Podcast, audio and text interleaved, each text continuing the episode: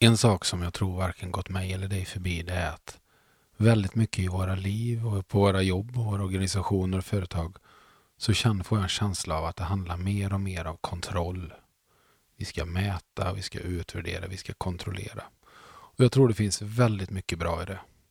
Jag, är, jag älskar ordning och reda, jag älskar fakta och veta och sitta och gissa och fingret i luften och anta. Nej, det är inte min grej. Men alla vägar har två diken.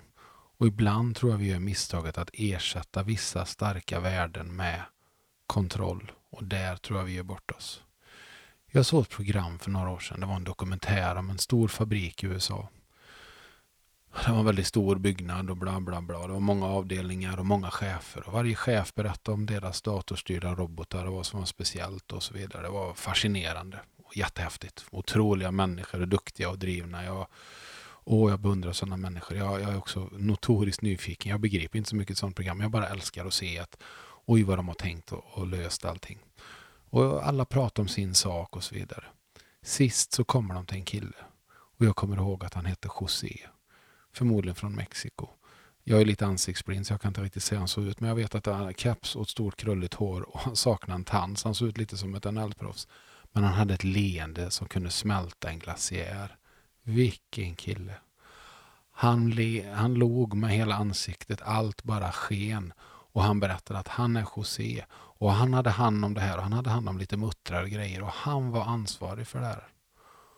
Och det som gick jag rakt genom rutan, den här värmen, det var inte bara hans charm. Utan det var hans otroliga stolthet. Han var så stolt över det han gjorde. Över att det här var hans område. Och det här ansvarade han för. Och han bidrog till de andra så till att de fick rätt skruvar och grejer och fästen och allt vad det var. Men då kände jag att där har vi ju den stora lösningen många gånger på vårt kontrollbehov. Om vi har medarbetare som är yrkesstolta, som är stolta över det, de vet varför vi gör det, i vilket syfte och att jag har den här uppgiften, jag behövs här.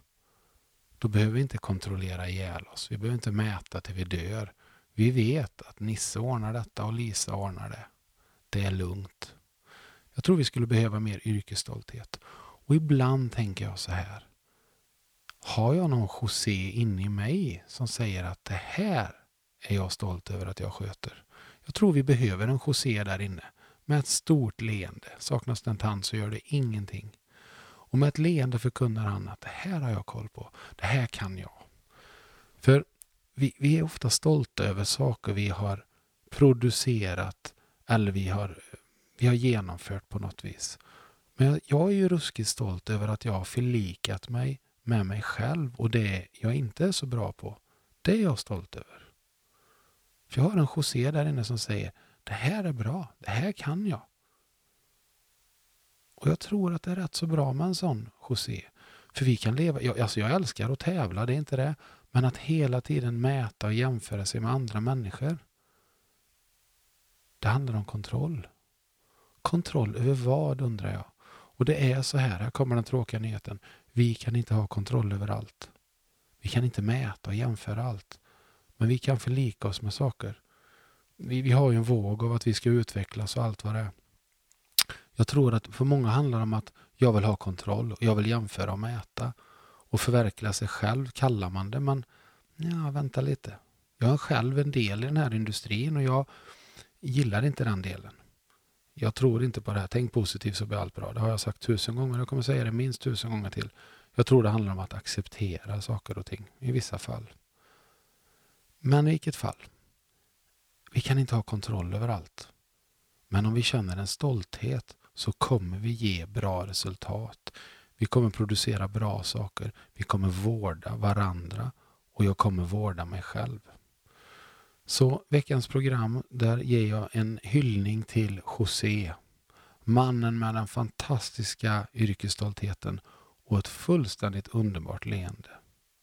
Jag hoppas både jag och du tar med oss José idag. Både i vårt jobb, i våra liv, i våra eventuella familjer. Och att vi är stolta över det där som är vi.